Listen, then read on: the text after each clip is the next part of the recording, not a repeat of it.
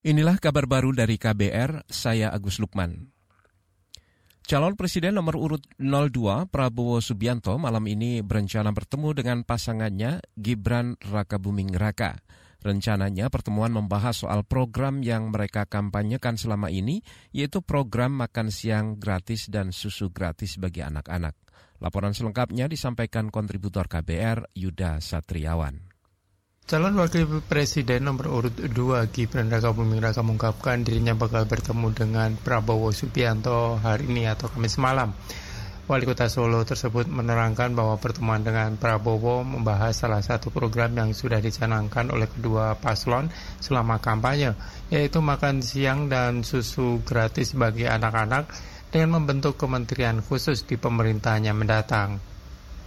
Lebih lanjut, Gibran enggan membeberkan secara rinci program dan anggaran untuk hal tersebut.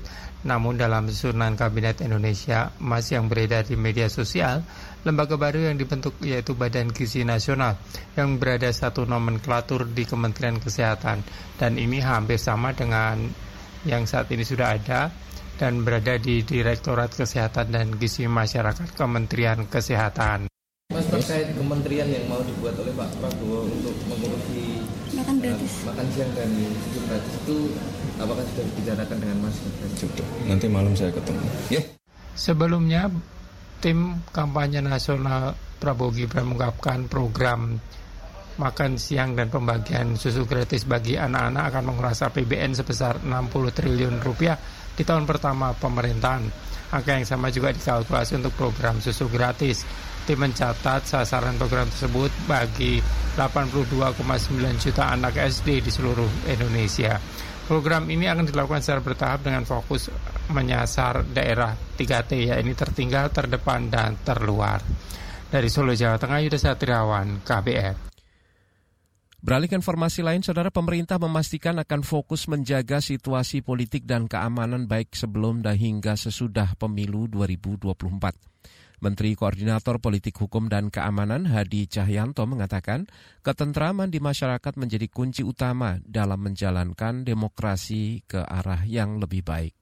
8 bulan ini kira-kira pekerjaan saya adalah menjaga kondisi aman dan tentram.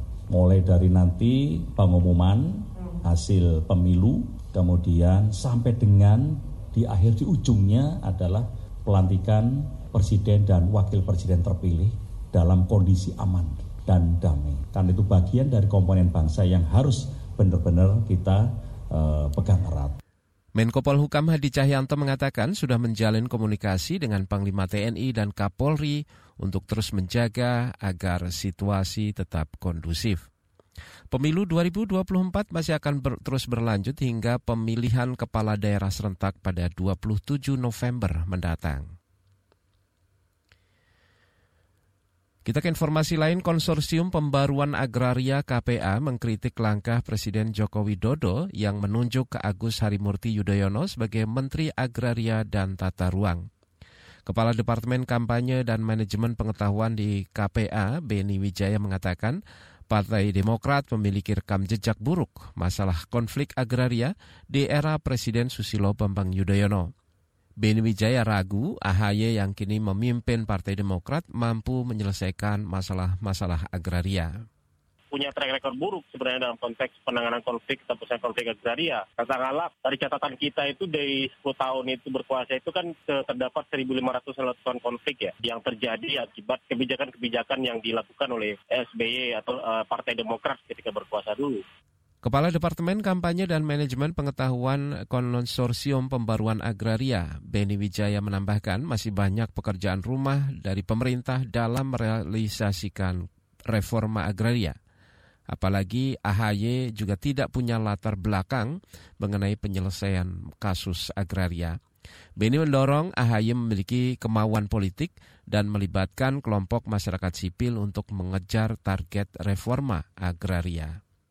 Inilah kabar baru dari KBR, saya Agus Lukman.